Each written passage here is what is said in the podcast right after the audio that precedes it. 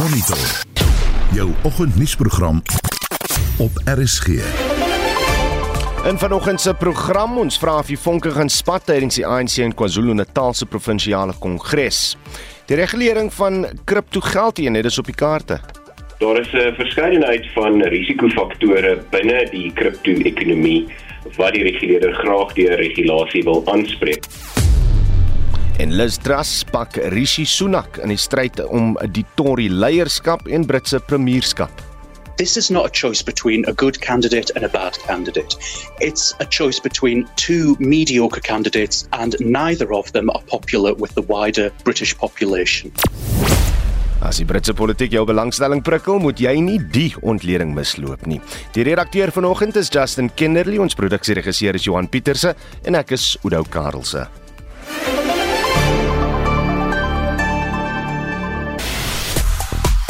Die rentekoers styg weer. Die Reserwebank het die terugkoopkoers met 75 basispunte verhoog tot 5,5% wat die prima uitleenkoers tot 9% opstoot. Hoe raak die verhoging jou sak en is die dit die strooitjie wat die kameel se rug breek of het jy dan nog 'n geldbuffer? Stuur 'n SMS na 45889 teen R1.50 per boodskap en praat saam op die Monitor en Spectrum Facebookblad. Goeiemôre. In sportnuus vanoggend, Wade van Niekerk vir die eerste keer in 5 jaar in die 400 meter eindronde. In cricket klop Engeland die Protea vroue met 6 paaltjies. En die Blitsbokke vertrek na Birmingham vir hulle derde Statebondspele. Die volledige sportbulletin volg bietjie later. Ek is Christo Gawie vir RSG Sport.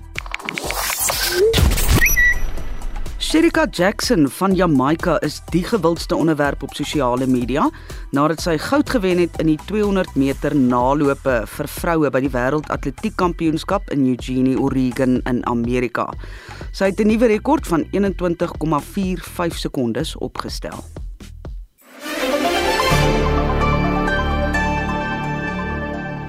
10 minute oor 6. Die DA sê die rentekoersverhoging gaan gewone Suid-Afrikaners swaarder laat trek. Die Reserwebank het die terugkoopkoers met 75 basispunte verhoog tot 5,5% wat dan die prima uitleenkoers tot 9% opstoot. Die president van die Reserwebank, Lesetja Ganyago, het met die aankondiging gesê die doel van die skerp verhoging is om die skerp stygende inflasiekoers te tem. Three members of the committee preferred the announced increase One member preferred a 100 basis point increase. Another member preferred a 50 basis point increase. The revised repurchase rate path remains supportive of credit demand in the near term, while raising rates to level consistent with the current view of inflation risks. Die jongste syfers toon dat inflasie tot 7,4% gestyg het in Junie, die hoogste syfer in 13 jaar. Kanyago sê die rentekoersverhoging was die regte stap. The risks to the inflation outlook are assessed to the upside. Global producer price and food price inflation continued to surprise higher in recent months and may do so again. Russia's war in Ukraine is likely to persist for the rest of this year and may have significant further effects on global prices. Oil prices increased strongly from the start of the war and may rise further as stresses in energy markets intensify. Energy and other administered prices continue to present short and medium term risks. Kan jy gesê hy verwag dat inflasie teen 2024 weer tot sowat 4,7% sal daal, wat die middelpunt van die inflasie teikenband is. Ons praat nou met die met Hugo Pinaar, ekonom van die Buro vir Ekonomiese Onderzoek. Hugo, goeiemôre. Goeiemôre Oude. Waarom dink jy het hierdie besluit gekom om die reepekoers met 75 uh, in plaas van 50 basispunte te verhoog? Oude, ek dink sedert die Reservebank in Mei vergader het, het het natuurlik 'n klomp goed gebeur. Die korttermyn inflasie vooruitsigte in Suid-Afrika het wesentlik uh, verswak. So alle ontleeders het hulle verwagtinge vir inflasie uh, skerp opwaarts aangepas. En dan uit die Reservebank se se oogpunt het so dis nie net die ontleeders wat hulle verwagtinge aangepas het nie maar ook ander opnames onder sakelei en vakbonde het gewys dat dat hierdie mense nou verwag dat inflasie nie net hierdie jaar nie, hmm. maar in die volgende 2 jaar heelwat hoër gaan wees as wat hulle van tevore verwag het. Nou dit is natuurlik uit die Reserwebank se oogpunt wat probeer om inflasie rondom 4.5% te hou, 'n groot bekommernis as hierdie verwagtinge styg. So ek dink die Reserwebank wou gister 'n 'n skerp uh, sein stuur dat hulle nie gemaklik is met hierdie hoër uh, verwagtinge nie en dat hulle dit terug wil kry uh, rondom 4.5%. Met ander woorde, die Reserwebank het amper nie op met hierdie ene keuse gehad nie, hoeveel? En en ekskuus, 'n ander ding wat wat wat wat ek by moet voeg hmm. is dat die idee se wêreldwye tendens wat wat ons sedert oor die laaste paar maande gesien het dat dat sentrale banke reg oor die wêreld um, raak meer aggressief want die inflasieprentjie um, is net die hele tyd besig om te verswak of kom ek sê die inflasie bly nie opwaarts um, se kant uh, verras. So jy weet of hulle nou 'n 50 of 'n 75 gedoen het, dit was onafwendbaar dat ons nog 'n rentekoers uh, verhoging gekry het. Um, hulle het nou besluit om 'n bietjie meer aggressief te wees en ek dink ook deel van die van die storie is dat as jy in die begin um, meer aggressief is. So jy stuur 'n sterk sein aanvanklik, dan hoef jy waarskynlik oor jou hele rentekoers siklus minder te doen want die ekonomie reageer dan nou dan nou vinniger uh, op op hierdie verhoging. So uit daai uh, konteks dink ek, ehm um, jy weet dit is die regte besluit van die Reserwebank om om nou meer te doen dan hoef hulle later uh hopelik minder te doen. Wel, net daarvan gepraat. Wat is jou verwagting van waar die repo koers teen die einde van die jaar gaan sit? Ja, so ons dink ehm um, dat ons het nou nog twee vergaderings, ehm um, geskeduleerde vergaderings in September en dan in in November. So in totaal dink ons ehm um, daar kan nog 75 basispunt verhoging wees, 'n halwe persent uh, waarskynlik in September en ons dink dalk kan die Reserwebank weer teruggaan na na na uh, 0.25 uh, persentasiepunte uh verhogings. So dit sal aan die repo koers um by 6.5% bring uh teen die einde uh, van die jaar en dis nou waar ons was in einde 2019 hmm. Uh, uh COVID. So dis nie dis nie 'n besondere hoof selfs as ons by 6.5% uitkom teen die einde van die jaar. Histories gesproke is dit steeds nie 'n hoë koers nie. Hmm. Ehm um, dis eintlik redelik laag histories, maar natuurlik as jy nou 'n verbandlening aangegaan het in 2020 toe die koers teen 3.5% was of prima uh, dan nou teen 7% was, dan natuurlik gaan gaan mense nou dit voel uh, en en wesentlik voel in terme van hoër uh, rentebetalings. En dit was uh, Ego Pinaar, ekonom van die Buro vir Ekonomiese Ondersoek. Die ANC in KwaZulu-Natal se provinsiale kongres skop vandag af en dit gaan 'n velstryd wees wanneer die huidige premier en voorsitter, Sihle Zikalala, sy posisie verdedig.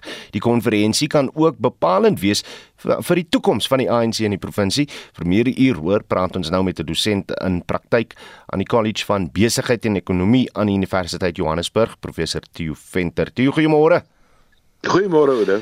Die Gautengse streekskonferensie was byna soos 'n koek en tee partytjie. Hoe gaan KZN vergelyk? Ja, KZN is 'n is 'n heeltemal 'n ander ehm um, situasie, maar net so betekenisvol vir die pad vorentoe uh in die ANC ehm um, want 'n hele paar dinge kan gebeur. Ehm um, ek sien die media skryf oor 'n verwagte konflik en so aan, maar daar is eintlik twee of drie ander faktore wat nog belangriker is en wat vir mense klein bietjie 'n uh, meer genuanceerde prentjie hmm. oor ehm um, oor die ANC in KwaZulu-Natal gee. Die eerste ene wat belangrik is is dat hierdie is nou nie meer uh die Cyril Ramaphosa faksie wat die RET faksie nou die die die stryd aan sê nie. Ehm um, wat in KwaZulu-Natal gebeur het is dat daar is onderlinge verdeeldheid in die groeperinge wat eintlik vir Zuma steun met ander woorde die RET faksie. Hulle is onderling verdeeld oor wie moet hulle vorentoe stoot in die leierskapsposisies in KwaZulu-Natal. Dis die een geveg. Die ander geveg is Zigla Zikilala soos jy reeds genoem het wat die huidige voorsteur is wat herverkies wil word en wat onlangs ehm um, vir oud president Zuma gaan besoek het en gesê het kyk die stories dat ek teen jou is is eintlik onwaar ek is eintlik aan jou kant. Ehm um, en uh, daarom soek ek ook ondersteuning van jou mense. So hier is 'n vreemde ding hmm. wat wat hom wat hom besig is om af te speel en dan natuurlik die die rol wat ehm um, die sokkerbaas uh, in hierdie hele wet uh, wedloop speel wat met 'n groot klomp geld en 'n groot klomp ehm um, uh veld tog ehm um, uh, vermoëns na die tafel toe kom gaan 'n baie interessante uit uitspraak lewer en dan twee goed nog. Hmm. Die verdere ding wat belangrik is is wat gaan hulle doen met die opsy staan reël terwyl hulle hierdie konferensie het um, oor die naweek. Gaan hulle hulle steur aan die opsy staan reël? En met ander woorde gaan hulle die spelreëls speel soos die nasionale uitvoerende komitee dit voorgeskryf het en as hulle dit nie doen nie, ehm um, wat skep hulle ehm um, uh, op pad na die beleidskonferensie toe? En dan dit is presies die derde ding, hmm. daar gaan baie sterk druk kom vanuit KwaZulu-Natal om die beleidskonferensie wat einde van die maand plaasvind een van die dae en dit ehm um, onder andere terwyl hulle daar sit en by een is as 'n beleidskonferensie wat eintlik maar net 'n raadgewende liggaam is om om 'n dag of 2 van hierdie komende konferensie te verander na 'n nasionale uh, algemene um, raad. Met hmm. ander woorde, uh, die ding te doen wat destyds uh, misluk het of nie kon plaasvind nie as gevolg van COVID. So paar baie interessante goed wat hier uitkom. Dis lekker baie faktore wat daarby uh, gaan. Ek moet tog vra, wat beteken die uitslag van die konferensie nou eintlik vir die man op die straat? Ja, al vir die man op die straat um, in veral KwaZulu beteken dit dat die steun van die ANC wat nog altyd een van die sterkste segmente um, was in die ANC, KwaZulu-Natal verteenwoordig 25% van alle ANC-lede in die land en wanneer hulle na 'n nasionale konferensie toe gaan soos in Desember, dan weet 'n mens jy moet KwaZulu-Natal verreken want hulle is 'n kwart van die afgevaardigdes. Dit gaan minder wees. En dit gaan in 'n verdeelde vorm daar aankom en jy weet die oomblik wat 'n sterk groepering verdeeld is, dan verander dit die hele spelpatroon vir wie stem vir wie en eh, en, en wie kom waar uit. En dit kan wees dat Zika Zikalala wel 'n uh, 'n uh, 'n oorwinning behaal 'n klein oorwinning hmm want dit is wat ons in Gauteng gesien het. Jy het in die begin van jou vraag dit 'n bietjie met Gauteng vergelyk. Die Gauteng se uitkoms was nie 'n duidelike groot oorwinning deur een groep oor 'n ander nie maar 'n baie baie interessante uitkoms waaromtrent uh, ek sou sê uh 2/3 meer minder. Miskien miskien 'n 3 kwart van die uitkoms hmm. ehm um, was was heeltemal polities gedrewe. Wat beteken Gauteng gaan nie na die nasionale konferensie toe as 'n een as 'n eenheid nie. en so so gaan KwaZulu-Natal ook nie as 'n eenheid nie. En dit dit maak die samestelling van die nasionale konferensie soveel meer gekompliseerd. Jy venter ek sê vir jou baie dankie dan vir jou tyd. Ek drink miskien maar net so 'n bietjie water daar. Uh dit was 'n dosent in praktyk aan die College van Besigheid en Ekonomie aan Universiteit Johannesburg, professor Theo Venter. Is die indiensneming van kundiges 'n haalbare oplossing vir die land se kragkrisis? Die regering dink blykbaar so nadat hulle 'n aanbod van die vakbond Solidariteit aanvaar het om tegniese kundiges te werf. Ons praat nou hieroor met die bestuurshoof van Solidariteit, Dr Dirk Herman. Dirk, goeiemôre. Goeiemôre. Weet ons al watter rol so 'n handjievol kundiges kan speel in 'n stelsel wat daagliks onklaar raak? Ja, as we eers begin om te sê dat die kundiges op sigself is natuurlik nie 'n oplossing nie. En nie ja nie 'n goeie beleidingsstrategie is wat uitgevoer word nie, dan sou ons nooit 'n volhoubare oplossing kry nie. Maar die kundiges kan 'n ongelooflike rol speel, selfs in die korter termyn, want daar is op die oomblik spesifieke vaardigheidstekorte in Eskom wat gevul moet word. Nou Eskom het al reeds 'n redelike volledige plan uitgewerk oor hoe om die kundiges te akkommodeer. So dit is nie 'n kwessie van ons sit met 'n lys hmm. en nou moet daar een of ander plan gemaak word met die lys nie. Dit is eintlik andersom. Eskom sit met 'n strategie. Hulle het al reeds spesifiek geïdentifiseer watter spesifieke kundiges moet dan gewerf word en nou gaan ons kyk dat ons lys, ons het ongeveer 1100 mense wat al hulle hand opgesteek het, gaan nou minder gemaak word om seker te maak dat dit regtig die bestes van die bestes is en dan moet ons kyk dat daardie bestes van die bestes die spesifieke vaardigheid dan pas. Hmm. Nou die manier hoe Eskom dit waarskynlik voorsien alhoewel ons nog finale gesprek met hulle moet hê, is dat dit sal vorm van vaste termyn kontrakte wees met spesifieke opdragte met spesifieke uitkomste. Dirk, is dit die die die die, die opdrag wat die regering gegee het of is Eskom reeds bereid om dit te doen? Wel, dis tweeledig. Eskom het soos wat ons verstaan 'n reeks gesprekke die afgelope tyd ook met die regering gehad. Onthou, Eskom se probleem is altyd maar hy voer net beleid uit. Hmm. En dit is waarskynlik die dilemma wat ons op die oomblik in Eskom sit, dat hy afhanklik van regeringsbeleid. Maar ons het bevestiging gekry dat ook die gedagte van kundiges is deur Eskom en die regering tussen mekaar ook bespreek. En daarom is hierdie versoek van Pravin Gordhan om om solidariteit te nader om vaardighede vaardighede te verskaf is nie 'n isolasie van hom nie en die gesprekke wat ons met Eskom het is ook nie in isolasie met die regering nie. So dit is natuurlik positiewe um, stappe okay. en daaroor is ons positief. Die vraag is natuurlik oor wat gebeur nou met volhoubaarheid want daardie mense kan nie vir altyd hier werk nie dis mense wat tydelik inkom sekere kontrakwerk doen hmm. en daarom binne die kontrakte sal daar altyd 'n element van opleiding oordrag en mentorskap ook wees. Wat wat is nou die, die volgende praktiese stap hier? Jy praat nou van die lys van 1000 mense, met wie skakel julle nou volgende en en hoe lank gaan dit neem vir hierdie tegniese brein nou om nou daarby by Eskom aan te sluit? Dan ons het een week nog wat mense hulle hande kan opsteek en dan sluit dit. Dit is um, volgende week. En dan het ons reeds gister 'n werkswinkel gehad met van die kundiges. Hulle gaan 'n paneel vorm en dan gaan ons gaan en deur dit alles wat ons gekry het gaan ons kyk dat ons die bestes van die bestes kry. Dis mense met 'n kaders ondervinding en dan gaan ons daaruit gaan ons 'n finale lys vasmaak en binne 2 weke gaan ons die lys vir Eskom en die regering gee. En dan kom daar 'n groot toets hmm. vir Eskom en die regering. Die vraag is gaan hulle dit gebruik? Het hulle werklik die politieke wil om dit op die ou end te implementeer? Maar hulle gaan gaan konfronteer word met daai vraag. Voorheen het hulle nie van kundigheid gebruik gemaak. Ons het ook in 2019 'n lys gegee, hmm. maar ek dink hulle was te ideologies nog op daardie stadium om 'n lys van solidariteit te ontvang. Die vraag is met Eskom wat nou absoluut in 'n kritieke toestand is, gaan hulle daai ideologiese vooroordeele van hulle oorkom en dit gaan hulle gaan getoets word binne 2 weke. Dirk, jy moet tog bang wees dat daar groot teenstand gaan wees vir vir vir die mense wat nou op die op die solidariteit lys verskyn wat nou by Eskom werksaam gaan word. Want want hulle gaan nee. nou die werk doen van mense wat eintlik reeds daar sit.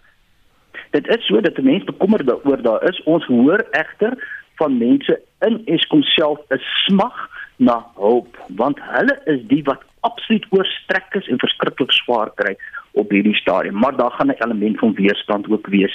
Maar dan moet jy onmiddellik eers vra indien jy 'n pasiënt het wat kritiek siek is siek is het jy die luksheid van weerstand? Dan sê ons vir onsself die weerstand moet bestuur word maar die weerstand kan nie tot gevolg hê dat mense nie die regte ding doen nie. En op die oomblik is die regte ding vir Eskom Eskom werkers in Suid-Afrika en werknemers in die algemeen dat daar kundigheid moet kom sodat ons die spesifieke vaardigheidsbottelnekke uit die weg moet ry.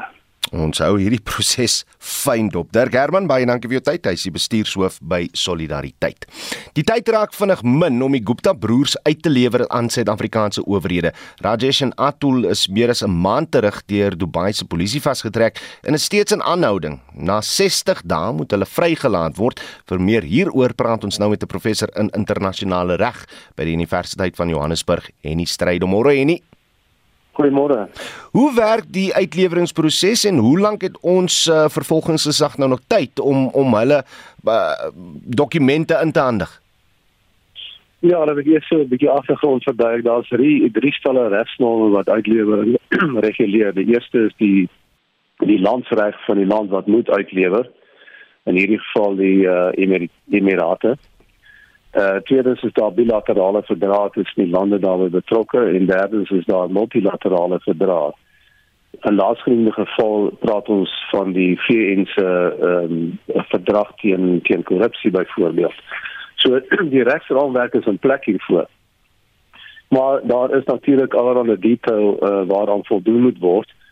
Uh een van die probleme wat ek opgetel het uh, is dat uh, van die dokumente en so word dit vereis deur die landsreg van die Emirate. Hmm. Uh is dat dit in Arabies vertaal moet word. En dit lyk vir my daar is probleme om dit uh, in plek te kry. daar mag ook ander wees, maar dis nie tot ons uh, kennis nie. En dis iets waaroor die vervolgingsgesag sal moet berig. Maar ja, na 60 dae uh, moet hulle vrygelaat word in terme van die verdrag ook uh, tussen Suid-Afrika en die Emirate. Hmm. En as dit gebeur, dan kan daar voorwaardes gestel word vir hulle vrylating, byvoorbeeld dat hulle paspoorte moet aanneem gedoen het dalk uh, die land kan uh, kan uit die land uit gaan verdwyn.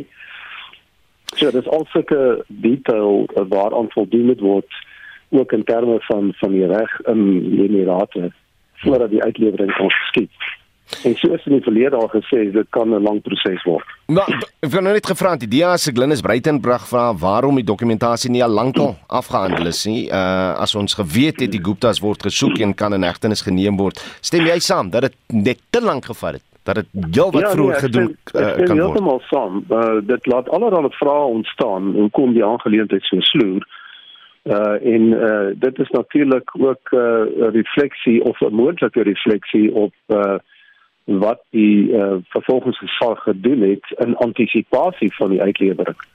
So daar hang baie vrae oor hierdie saak. Ehm um, en dit is uh aangeleethede wat wat die vervolgingsgesag sal moet aanspreek en die publiek op op die hoogte van sake moet hou. Sê my wat wat sal die Suid-Afrikaanse dokumentasie of hulle hulle prokureurs nou moet gaan bewys sodat die Guptas uitgelewer kan word na Suid-Afrika?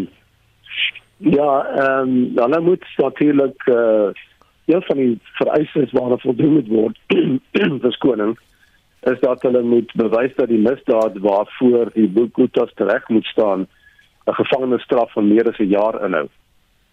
En dit is natuurlik 'n maklike bewyslas as 'n mens van bewyslas kan praat in hierdie in hierdie geval.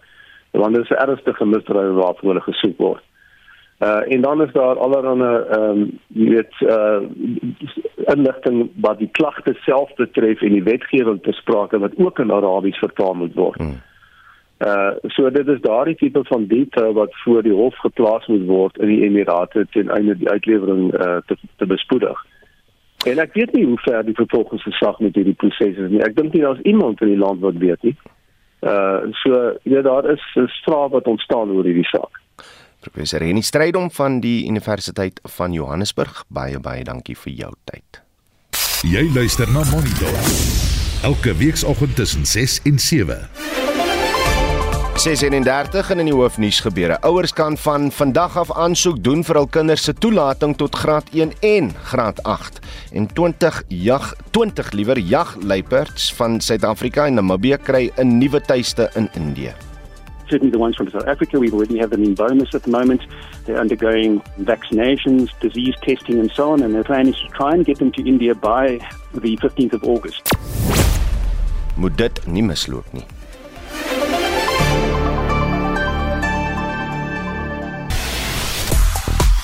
So gepraat van SMS'e, kom ons kyk na julle terugvoer en vanoggend praat ons oor wat anders, maar rentekoerse. Ja, terugkoopkoers op met 75 basispunte, verhoog na 5,5% wat die prima uitleenkoers tot 9% opstoot. En ons vra vanoggend, hoe raak die verhoging jou sak? Is dit die strooitjie wat jou kameel se rug breek of het jy nog 'n geldbuffer? Kom ons kyk net op SMS. Sê Rosa, het vir 80 jaar niks gekoop as ek nie geld het nie. Nou kry ons swaar sonder ons rente. Moenie skuld maak nie, sê Rosa. Uh Samuel Walter sê met rentekoers word werkersklas met skuld geldelik vermoor en rykes word nog ryker en leef reeds laer as die Karoo bossie. Ja. Dan uh, sê Baden van der Merwe, ag, ons sal seker nie sommer net dood nie. Die rentekoerse is maar soos die wind wat waai, dan op en dan af en dan die kant toe en dan daai kant toe. Ek onthou nog so 20 of wat jaar gelede, toe was die rentekoerse besonder hoog, so om en by 2000 Ja, kan nou, ons almal nou nog baie baie goed. En dan sê Ann Killian, het nie skuld nie, so dit doen my 'n paar rande baie goed en Marieta Breins Nel sê, ek het vir my 'n motor gekoop in Februarie en gelukkig sy koers vasgemaak. As jy nou 'n kar gaan koop, hoe dan? Maak jy hom vas of gebruik jy die wisselkoers?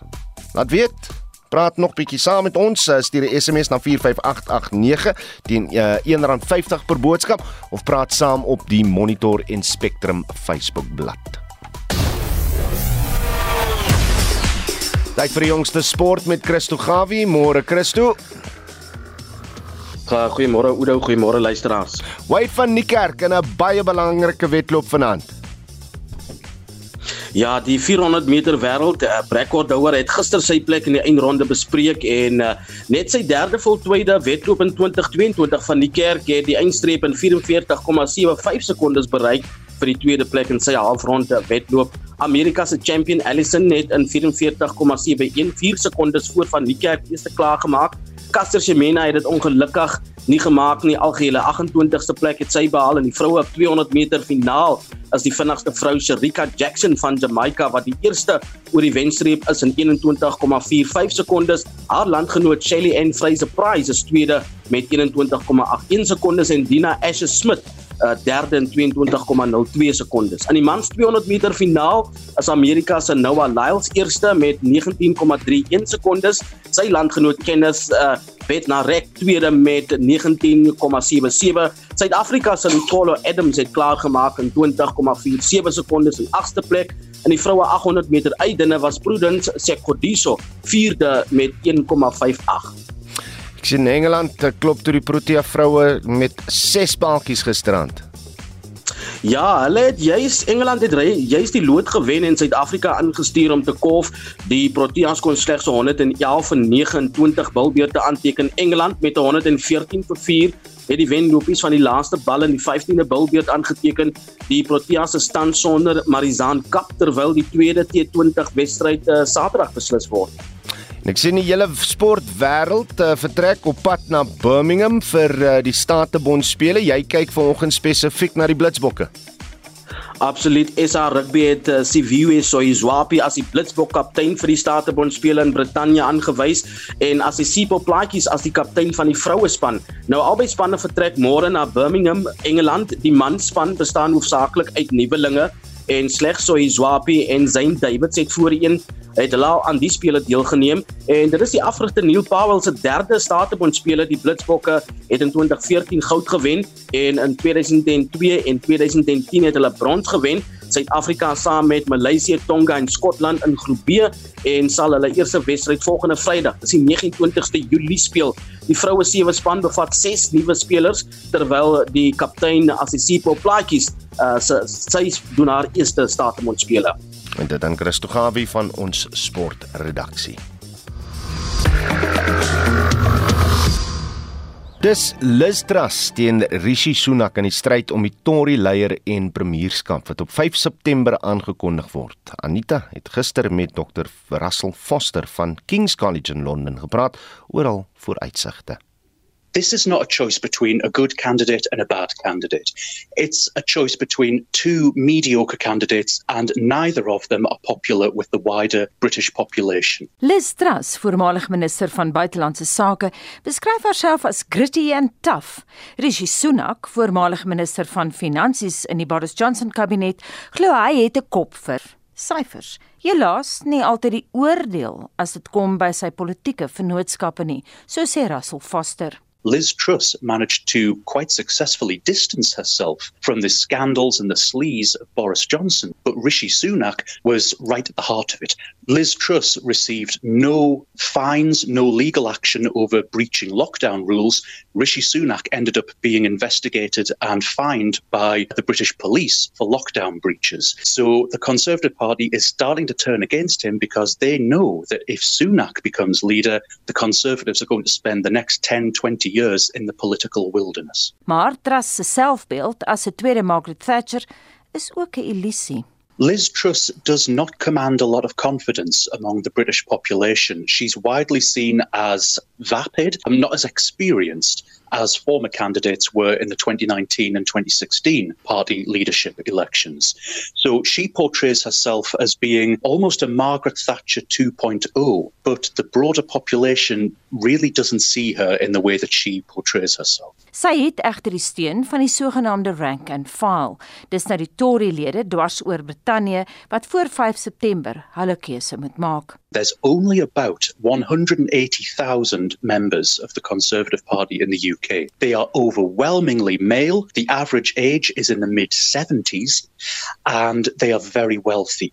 So these are the people who are going to choose. And if they're given a choice between Margaret Thatcher 2.0 or Rishi Sunak, they're going to choose the former. En dis juist daardie ekonomiese konservatisme wat Truss die voordeel gee.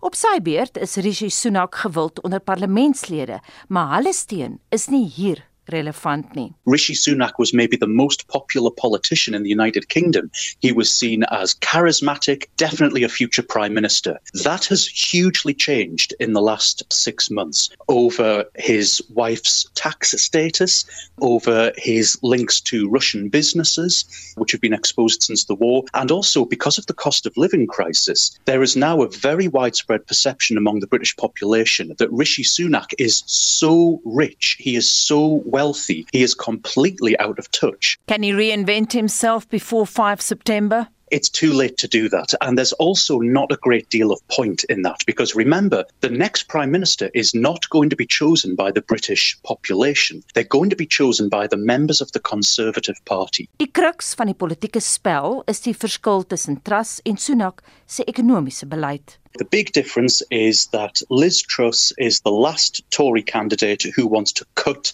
taxes in order to put more money into people's pockets. Rishi Sunak, the former Chancellor, says that we need to keep taxes at a high level in order to stabilise the economy. Intussen is daar 'n arktiese koelte tussen die twee voorlopers. This has been more acrimonious than we expected. So, this was visible in the proposed television debates between the Conservative Party candidates for leadership. There were supposed to be three debates on three different television channels in the United Kingdom. Only two of these happened because at the second one, Sunak and Truss were quite openly hostile to one another and ignored the rest of the candidates. Both of them then refused to take part in the third debate because of growing tensions between them. Ook al uitspeel, een ding is verseker, die Tories kry lankal nie meer koning nie.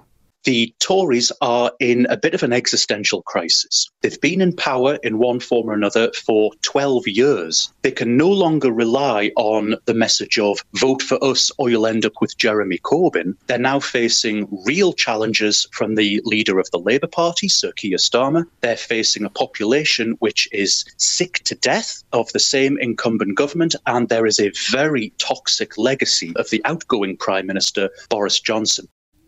Dit dan die politieke wetenskaplike Russell Foster wat vanuit Londen met Anita gepraat het. Luister Saterdag na 12 na Naweek Aktueel vir die volledige onderhoud wat Anita met Dr Foster gedoen het.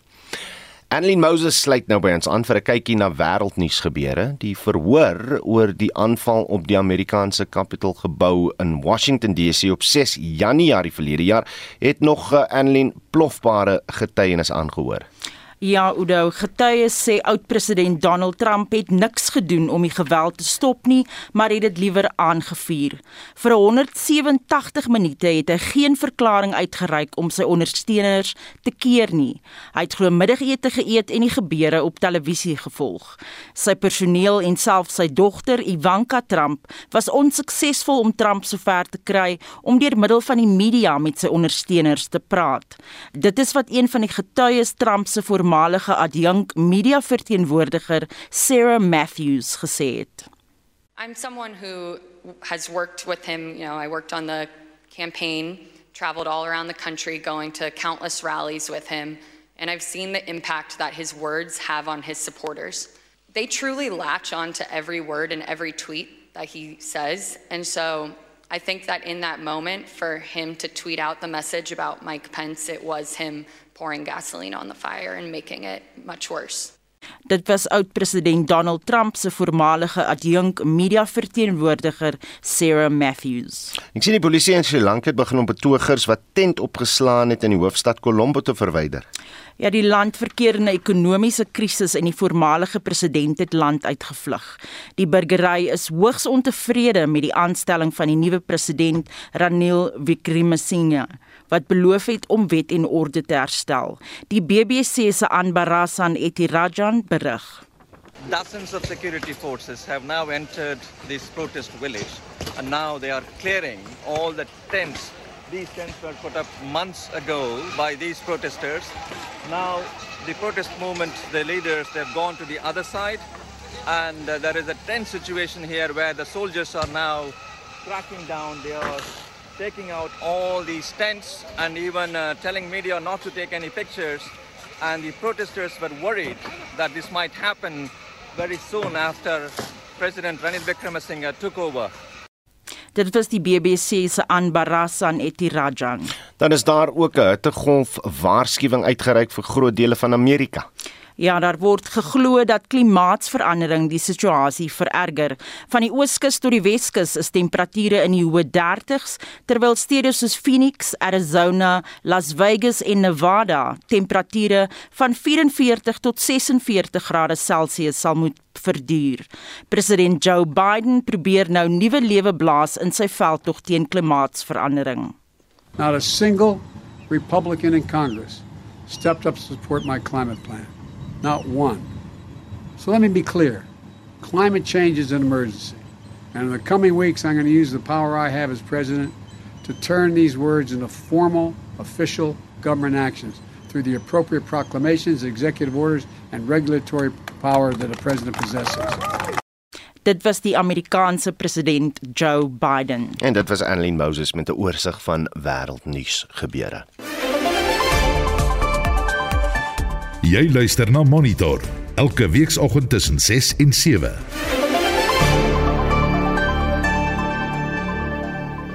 Die Gautengse departement van onderwys is vol vertroue dat sy aanlyn aansoekstelsel stabiel en werkend is vir die registrasieseisoen. Ouers kan van vandag af hulle kinders vir graad 1 en graad 8 registreer. Panyaze Lesoufi het ouers die versekering gegee dat alle leerders by skole geplaas sal word. Ons praat nou met Rian van der Berg, FETSA se bestuurder van tegnologie en ook die hoof van die sentrum vir tegnologie. Rian, goeiemôre. Goeiemôre. Die ALR sê die stelsel se verkeerskapasiteit is opgegradeer. Hy sê nou tot 45000 mense kan die stelsel terselfdertyd gebruik en 120 aansoeke kan per uur verwerk word. Deel jy sy vertroue? Want ons glo so, ons het nie self die stelsel gestres toets nie. En uh ja, ons dink daar is 'n uh, positiewe uh, skuwe gemaak sedert die begin van die uh gebruik van hierdie stelsel, maar ons sal maar sien. Ek dink die die groot kwessie is ons moet nie die mense jaag om almal in die eerste minuut op die stelsel te klim nie. Mm, ek wou net gevra het in vorige jare wat is die tipe verkeer op op hy stelsel? Sjoe, dit was um, dit het gewissel. Ek dink die uh die, die die vorige jare was dit uh, tot by 20000 mense per minuut, maar selfs dan het die stelsel moeilikheid beleef. Uh ek dink dit hang af van waar die mense inteken en en hoe vinnig hulle inteken. Maar ek dink ons moet um, die mense bietjie aanmoedig om die narratief te verstaan dat dit nie saak maak hoe vinnig jy aansoek doen en hoe gou jy aansoek doen soos wat die stelsel oopmaak nie. Die regulasies het onlangs verander en dit is nou 'n bepalende faktor van waar jy bly. Hmm. Binne die voedingsarea van die skool, die afstand van jou huis tot die res van die skool toe as die kriteria en alhoewel ou uh, kan sê ontstaan eintlik virtueel tou met hierdie stelsel uh is die verifikasie van hoe ver jy van die skool af bly die bepalende kriteria van of jy in die skool kan wees of nie eerder asof jy eers in die tou gestaan het. Uh en en ek dink dit is hoekom dit ons is altyd bang dat daar uh verkeersknoop op die stelsel is. Maar ons moet eintlik besef dat daar is uh, 30 dae dis um 'n aansoekfase van vanoggend tot met die 19de Augustus. En ek dink nie die mense, ons ouers is is is baie bekommerd oor of hulle kinders gaan plek kry, maar hulle moet besef dat as jy nie in die eerste 10 minute gaan aansoek doen nie, uh, jy het tot die 19de Augustus om aansoek te doen en die kriteria is die afstand van jou huisadres na die skool. Net so vinnig en laastens Rian, ehm um, wenke vir ouers wat nou nie die uh, toegang tot die internet het nie, wat is hulle alternatiewe? Ja, kyk, jy kan by die skool gaan aansoek doen deur uh die skool se rekenaar te gebruik. Uh alle aansoeke moet op die stelsel wees, maar dit hoef nie jou eie rekenaar of selfoon toestel te wees wat jy gebruik nie. Daar is 'n loop ehm um, uh stasies waar jy kan gaan die departement se distrikskantore, die skool self. Uh maar dit is nie 'n geweldige moeilike proses nie. So as internet 'n probleem is, het ons 'n begrip daarvoor, maar deesdae is petrol bietjie duurder as data. So dit is moeiliker om by die skool uit te kom, um as in die verlede selfs wat brandstofpryse betref. So die skool is definitief 'n beginpunt, selfs die dokumente wat op die stelsel opgelaai kan word kan jy fisies by die skool gaan aflaai. So ek dink ouers moet uh bewus wees van hoe hoe die stelsel werk, wat die regulasies is en wat hulle opsies is. Sal dit daar laat Reen van der Berg uh, is uh, Vetsa se bestuurder van tegnologie. Veeartse van onderste poort in 'n poort in Pretoria se hulp word gebruik om wilde jagluiperds in Indië te vestig. Mitsi van 'n Merwet storie. Professor Adrian Torif van die fakulteit veeartseny by die Universiteit Pretoria sê kritisie is bekommerd dat siektes so na Indië versprei kon word. Both of the cheetahs could take diseases to India and introduce something to the, the other wild carnivores, tigers, leopards and other things in India, or that the uh, cheetahs could contract something from other animals in India. This had to be then managed. We then went through and did a whole disease risk assessment for the Indians. Torf sê die ander uitdaging is om die diere lewendig in Indië te kry. They very susceptible to the effects of stress. So we needed really the veterinary expertise to be able to manage that stress during translocation and that's kind of why the faculty of veterinary science at the University of Pretoria was involved. Die vraag is hoe die jagluiperd uit suidelike Afrika verskil van die uitgestorwe spesies in Indië. There's very small differences between the Asiatic cheetah, which is the previous cheetah that existed in India. The closest sort of subspecies to that, current Asiatic cheetahs that exist at the moment are in Iran. That's the closest population, but there are only about 12 to 20 animals left in the wild. It's a subspecies, so there are very subtle, small differences in terms of body size, the, the slight changes in the, the type of coat, but essentially they, I mean, I don't think that most people, if they have to look at a Asiatic cheetah, would think it's any different to the Southern African cheetah. Met die jagluiperdbevolking wat in die res van die wêreld steeds daal, is die prentjie in Suid-Afrika beter. There are now less than 7,000 cheetahs left in the world population. The large proportion of that are in southern Africa, mainly in Namibia and in South Africa. In South Africa, we have three main populations what we would call the, the truly wild ones, which are not in any protected areas, and they're only really on the northern border of Limpopo and Northwest Province. There's a small number of those animals that are around there on farmland.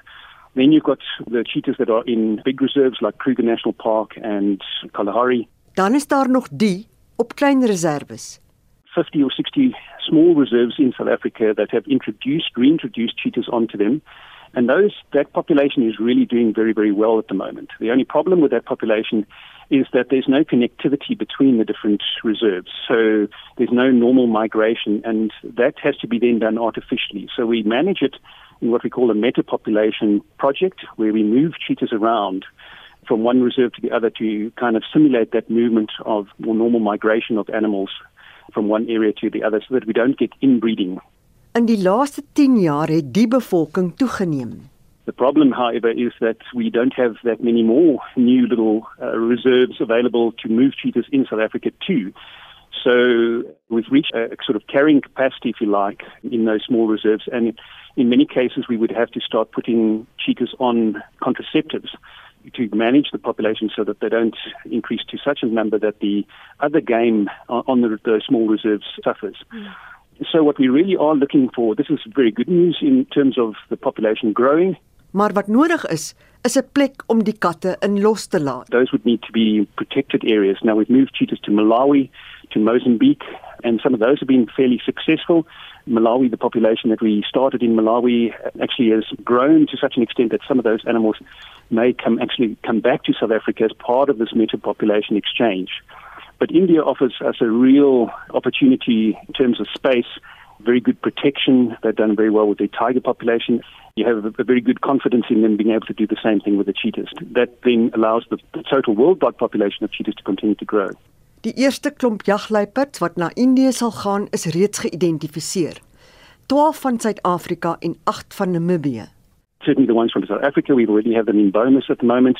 They're undergoing vaccinations, disease testing and so on and as long as they tick all the boxes in terms of the disease testing, then the plan is to try and get them to India by the 15th of August. Now, India has got their 75th independence celebration, and uh, they've requested and put quite a lot of pressure on us to try and make sure that we can get them there for that celebration. The target we are aiming for, but we still can't take any shortcuts. We have to make sure that all the boxes are ticked and that the animals are safe and that we can then move them safely across. Professor Adrian Torf van die fakulteit veeartsenykunde aan die Universiteit Pretoria. Mitsi van der Merwe, SAK nuus. Wel rentekoerse styg weer nadat die Reservebank die terugkoopkoers met 75 basispunte verhoog het gister wat begin beteken dat die prima uitleenkoers tot 9% op gaan stoot. Hoe raak die verhoging jou sak en is dit die strooitjie wat jou kameel se rug breek of het jy nog 'n geldbuffer? François Legrandji sê op Facebook het 'n nuwe huis gekoop in Desember. Ons verband is R3000 op aan die afgelope 7 maande. Ons 2 jaar plan is oornag by die deur uit. Ja, Emil Engela sê ek het 10 jaar terug baie meer geld gehad. Trouwens, ek kon koop wat ek wou en 3 keer per maand om uh, een deur uh die Kaap te ry. Nou ry ek nêrens en vergelyk elke prys voor ek koop. Klink bietjie nou soos my lewe, né? En Jack Waterboer sê belaglik, my kameel se rug is al reeds gebreek. Tans is ek werkloos. Groete uit Strydenburg. En dan net so 'n SMS wat deurgekom het uh, wat oor iets anders uh gaan. Uh dis nou anoniem wat sê ek was in 'n vergadering met Thabo Mbeki in 2002. Toe het ons en dis nou in in hakies Eskom vir hom gesê die ANC moet meer kragstasies bou. Hy het gelag en gesê hulle sal self regkom. En dis nou van 'n ex Eskom werker. So is daai SMS uh, afgeteken daar. Indien jy nog uh, SMS'e wil stuur, doen dit gerus na 45889 teen R1.50 per boodskap of praat saam op die Monitor en Spectrum Facebookblad. Op sosiale media, hitsmerk Tabo Mbeki en hitsmerk Arab Spring is twee baie gewilde onderwerpe. Voormalige president Mbeki waarsku natuurlik dat werkloosheid, armoede, korrupsie en wetteloosheid tot ewige betogings kan lei, soortgelyk aan die Arab Spring betogings. Onthou vorige uitsendings van Monitor is op RSG se webblad is 'n potgooi beskikbaar. Gaan net na www.rsg.co.za. Dan groet ons namens ons uitvoerende regisseur Nicoline de Wee, die redakteur vanoggend is Justin Kennerly en ons produksieregisseur is Johan Pieterse. Ek is Oudo Karelse. Geniet jou dag in die geselskap van RSG.